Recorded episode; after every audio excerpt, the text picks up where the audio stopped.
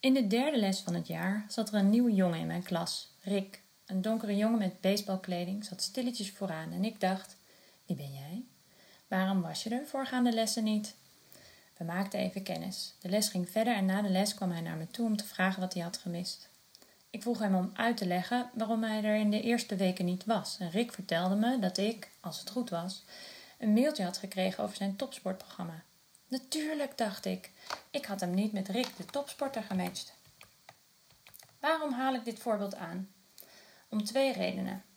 Als eerste blijkt uit verschillende onderzoeken dat de beelden en verwachtingen die docenten hebben van hun studenten van invloed zijn op hoe ze op hun studenten reageren en dat dat weer effect heeft op de prestaties van studenten.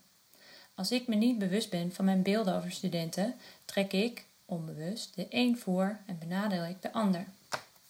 Ik heb wel eens een workshop gedaan waarin je moest uitbeelden hoe volgens jou een goede student eruit ziet. Denk er maar eens over na. Wat doet jouw goede student? Hoe zit hij of zij erbij? Wat doet hij? Welke houding? Welk gedrag? Welke woorden? Misschien schiet er wel iemand uit je klas te binnen. Als je dan de vraag stelt hoe je aan die beelden komt, blijkt vaak dat wat je in je studenten waardeert te maken heeft met je eigen voorkeuren. Mijn beeld van een goede student is vaak een witte vrouw die, zoals ik, actief meeluistert en vragen stelt. En ik kan het, meestal, wel waarderen als ik onderbroken word en iemand een iets wat bij de hand vraag stelt. Maar toen was daar Rick. Hoezo had ik hem niet herkend als de topsporter uit het mailtje? Dat brengt bij mijn tweede, pijnlijkere punt. Dit voorbeeld laat mij helaas zien dat ik, en ik denk ook veel anderen, vatbaar ben voor racisme en uitsluiting. Laat zien dat discriminatie in kleine dingen zit. Het is de fractie waarin ik moest schakelen om Rick te herkennen als toptalent. In zijn algemeenheid gaat het voorbeeld over wat we herkennen als talent en succes. Om dat te begrijpen kan het helpen om te kijken naar wat Wekker en haar collega's Slootman, Ikasa, Jansen en Vasquez constateren in een onderzoek naar diversiteit op de UvA. Zij zeggen: wat wordt gezien als talent, succes, leiderschap of excellentie is vaak niet neutraal. Het zijn waarden die vaak gebaseerd zijn op mannelijke en westerse, lees witte, kenmerken en de sociaal-economische middenklasse, lees gedrag, woorden, kleding. Dit uitgangspunt over talent en excellentie stellen Wekker en Co. behoeft een kritische houding, omdat er meer vormen zijn van talent en succes en omdat we als docenten en studenten met die ideeën invloed hebben op de ontwikkeling of blokkade van anderen. Die kritische houding is makkelijker in abstracto en zijn algemeenheid dan hoe ik het nu voel. Het is niet gezellig om met Cairo te spreken, om geconfronteerd te worden met mijn impliciete aannames. Ik weet natuurlijk wel dat ik deze beelden niet in mijn eentje zelf bedacht heb en dat ze, jammer genoeg, in de maatschappij rondgaan, uitgedragen worden in media en verhalen, waar ik blijkbaar ook vatbaar voor ben. Maar ik voel ook een individuele verantwoordelijkheid om mijn studenten niet gesloten te benaderen. En liever had ik deze uitsluitende, subjectieve, niet neutrale beelden niet. Ik vraag me af of dat kan zonder vooroordelen. Ik weet dat ik met reflectie meer bewust word en dat ik zo abstracte ideeën concreet kan maken, maar gezellig? Nee. Ik schrik van mijn constatering dat ik discrimineer en ik vind het pijnlijk om te benoemen. Voor mezelf, collega's of studenten die zich in mij herkennen. En uiteraard voor collega's of studenten die zich in Rick's situatie herkennen. Begrijp me goed, ik ben niet zielig of bijzonder omdat ik dit zeg. Ik wil onder woorden brengen wat het onder ogen zien van racisme en discriminatie voor mij betekent. En daar zullen veel andere manieren voor zijn om dat ook te zeggen. Ik denk, we hebben woorden nodig om vooroordelen, racisme en discriminatie te bespreken en te erkennen. Terug naar Rick stond mijn beeld van hem gelukkig niet stil. Het veranderde toen in ons gesprek na de les. Je beelden van studenten veranderen als je als docent een relatie met ze opbouwt. Ik leerde Rick kennen als aandachtig, georganiseerd, sociaal en gefocust. Maar met mijn uitgeleider weet ik nog niet wat ik moet. Misschien helpt deze reflectie. Ik hoop het. En dat ik een volgende keer bij een goede student bijvoorbeeld denk aan Rick.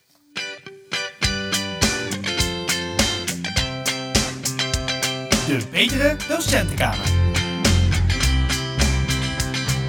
Met Bob en Rinus. Live vanuit de box.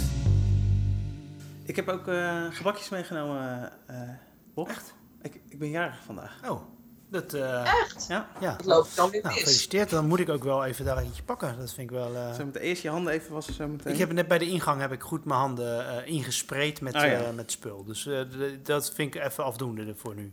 Wil, wil je misschien nog iets zeggen over eh, eh, Black Lives Matters? Er is nu ook binnen profielen een blogger in opspraak. Ja, dat, eh, dat hebben we gezien, ja. Ja. En ehm, nou ja, als je het, wat mij betreft, als je het vanuit de pedagogische, hoek bekijkt, het is natuurlijk een, een enorm goed uitgangspunt voor een, voor een goed gesprek met, eh, met die jongen. Of überhaupt met iemand die eh, kennelijk anders denkt dan heel veel anderen. Ik ben het absoluut niet met hem eens wat hij zegt. En ik denk dat hij heel erg redeneert vanuit zijn zogenaamde white privilege en dat niet doorheeft. Maar het is wel een ingang tot een gesprek. En ehm, ik denk ook als je eh, een goede pedagogische docent bent, dan, dan richt je je klas eh, ook zo in, niet letterlijk, maar figuurlijk, dat er ruimte is voor mensen om daarover het gesprek te voeren. Ja, maar wat vind je daar dan van de, eh, heb je dat ook gezien, de houding van, de, van profielen zelf? Ze hebben een bericht geplaatst waarom ze eh, ja, het bericht zo door hebben laten gaan, zeg maar. Want je zou kunnen zeggen, joh, dat hoort niet hoe de Hogeschool Rotterdam daarover denkt. Dus waarom is dat niet gecensureerd of weggehaald of veranderd? Of... Nou, ze scharen zich onder Ja, nou, persvrijheid. En dat vind ik op zich ook nog wel een, eh, een ding. Kijk, columnisten hebben natuurlijk wel de vrijheid om te, op te schrijven wat ze willen. Dat gebeurt eh, dagelijks. Er zijn wel meer columnisten eh, die in opspraak komen. Ja, Ja, ik vind wel dat je dat moet kunnen publiceren. En daar scharen ze zich onder. Ik denk wel dat dat... Vind ik ook wel een groot goed eigenlijk. ja. Ja, ik hoor. Ik ben het ook eens met profielen. En weet je, als je deze jongen de mond snoert, dan kun je dus, weet je dus nooit hoe, hoe hij denkt en kun je nooit in gesprek. Ja. En dat, geldt voor, voor alles wat, eh, wat onwenselijk is. Ja, kijk, in, in dit Black Lives Matter is het wat mij betreft duidelijk wat onwenselijk is. En dat is onder andere wat hij zegt. Maar weet je, heel veel mensen hebben geen idee. Hebben, hebben geen idee wat ze zeggen, hoe ze daar anderen mee kwetsen. En als je die systematisch de mond gaat snoeren, kom je in een gevaarlijk gebied. Letterlijk en figuurlijk. Maar kun je dus ook nooit samen tot iets komen, omdat je de ander de mond snoert. Dus je ziet het eigenlijk als iets moois, als een, als, als een, als een kans. Nou ja, het is wel een kans. Ik bedoel, ik erger, me, ik erger me wel als ik het lees. En ik snap ook dat mensen zeggen van ja, dat moet je, moet je niet toelaten en je moet hem de mond snoeren. Maar het is wel, het is wel de vrijheid van menings, meningsuiting. En daarbij, eh, ja, weet je, wat, wat ik ook las in profielen, wat de redactie had geschreven. Er zijn wel meer columns geweest of blogs waar, waar uitzonderlijk op gereageerd is. Ehm, en eh, ik herinner me één blog van Jean-Marie Molina. Dat ging ook over inclusiviteit. En zij bracht ter sprake van: ja, als er nou heel veel gedaan wordt aan, aan inclusiviteit, maar je voelt je er nog niet bij horen, wat dan?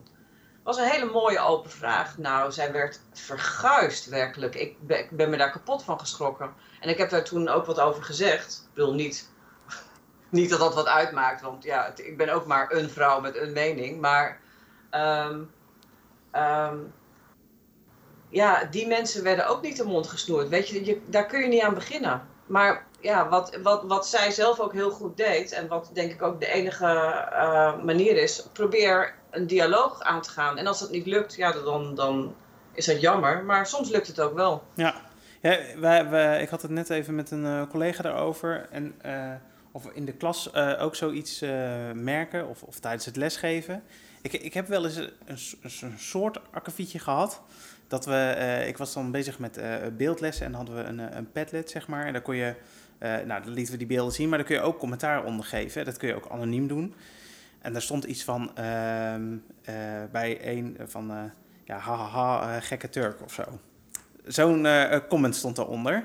En ik las dat en toen dacht ik, ja, wat, wat, wat eh, ga ik hiermee doen? Want ik dacht, ja, ik merkte ook dat het een, eh, eh, een soort, dat het waarschijnlijk door een vriend was gedaan of zo. Als, als een soort grapje, denk ik. Ehm, ik wist dat ook niet zeker. Ik heb toen ook maar niks over gezegd, omdat ik dacht, ja, ja wat moet ik ermee? Het is anoniem. In theorie zou ook iemand van heel erg buitenaf het erop had kunnen zetten, zeg maar. Het is open source, zeg maar. Dus dan, ik vond dat heel moeilijk en ik heb dat eh, ja, laten schieten, dat moment. En ik dacht, ja, is dat, is dat misschien iets waar ik als, als, als docent anders mee om zou moeten gaan? Pedagogisch gezien. Ah, je, geeft, Ja. je geeft daar wel blijk van de typische pedagogische verlegenheid, die ik snap.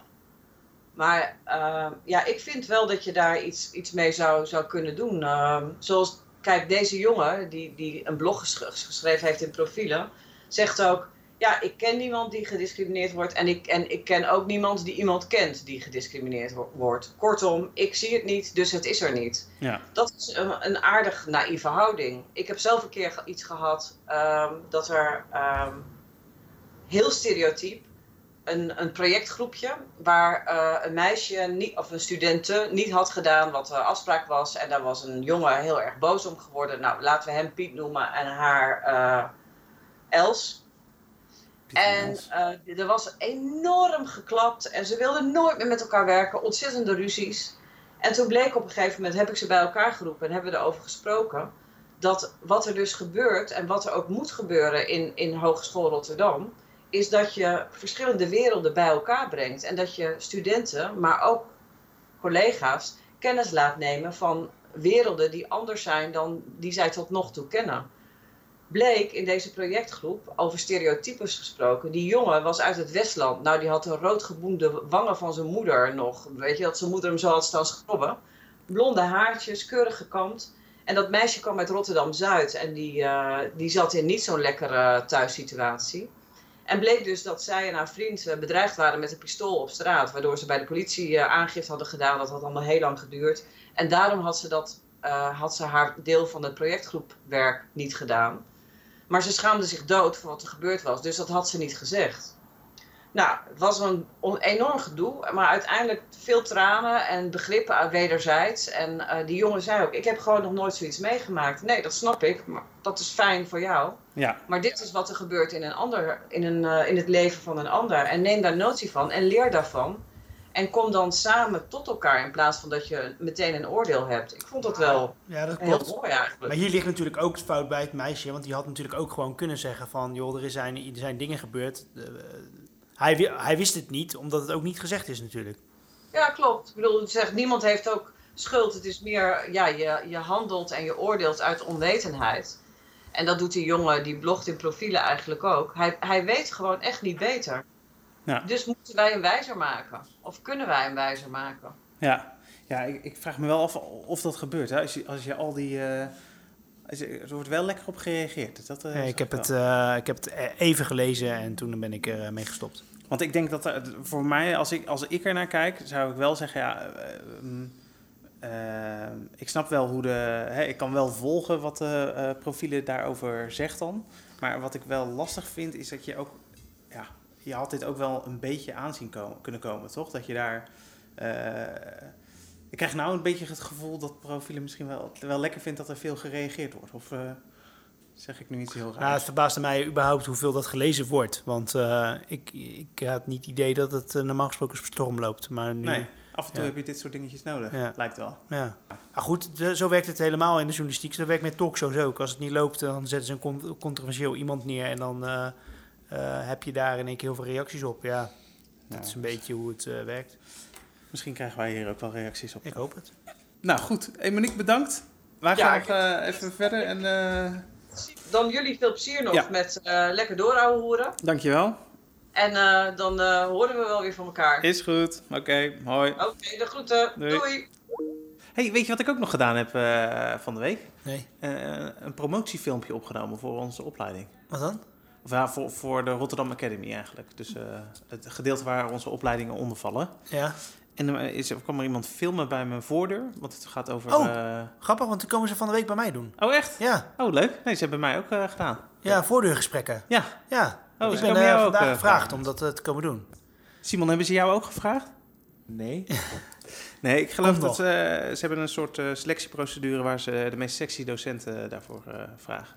Door wie ben jij gevraagd? Geen idee. Ja, ik weet niet. Ik kreeg een mailtje of ik daar aan mee wilde werken. Ik zei natuurlijk gelijk ja. Ja. Er Best wel goede vragen zitten erbij. Wat voor vragen dan? Heb je geen vragenlijst Nee. gekregen? Ik heb alleen gevraagd of ik mee wilde doen. Oh nee, je krijgt een vragenlijst eh, met eh, waarom je docent bent geworden. eh, waarom je lesgeeft bij de Rotterdam Academy. Wat voor vakken je geeft.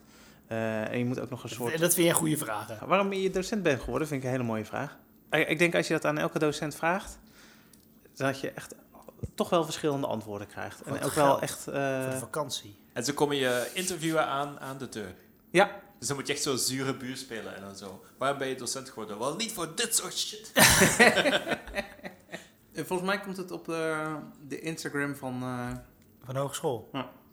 nee, van de Rotterdam Academy misschien. Ja, dat is ook wel een verandering die ik wel zou willen doen. Gewoon eh, meer eh, dat soort dingen als social media, Instagram en zo inzetten.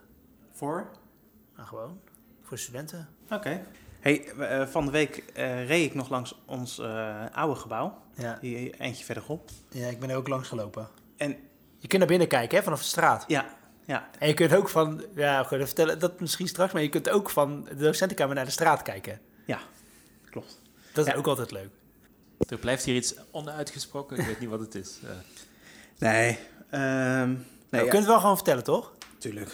Nee, want eh, tegenover onze eh, docentenkamer, Waar we op uitkijken. ja, daar eh, zit een, ehm, ja, Een bordeel.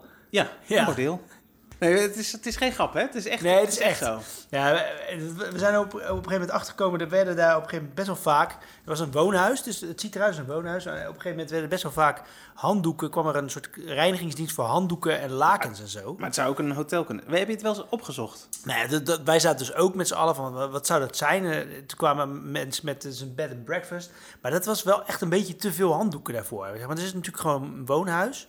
En een bed and breakfast, dan, heb- dan kan ik me voorstellen, heb je misschien één of twee kamers daar die je kan verhuren.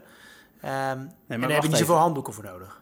Dus baseer je op het aantal handdoeken dat ze gebruiken dat het een bordeel is? Of weet je het? Nou, ik, ik riep toen volgens mij is het een bordeel. Eh, en toen zijn we natuurlijk even gaan posten, even kijken. Toen gingen inderdaad alleen veel mannen naar binnen. En eh, we hebben het ook opgezocht. We hebben gewoon het adres opge- op- opgezocht. We gaan niet zeggen waar het is. En toen zijn we het inderdaad gewoon op, eh, op internet zijn we het op gaan zoeken.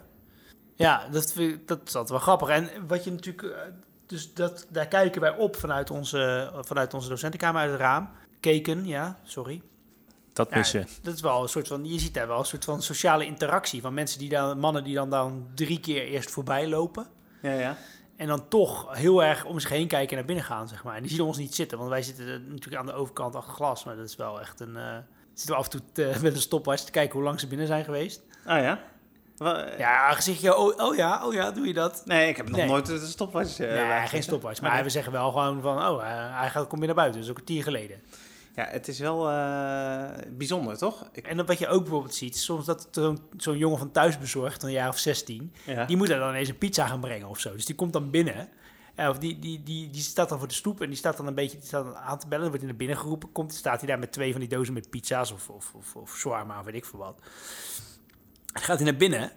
En nou, shawarma is altijd trouwens niet. Dat is niet zo lekker, ruikt niet zo lekker. Maar het- het- in ieder geval zoiets. En ik, gaat hij dus naar binnen. Ja, die jongen, en die komt dan naar buiten. En die, die, die zie je dan ook verbaasd om zich heen kijken van, wat is dit?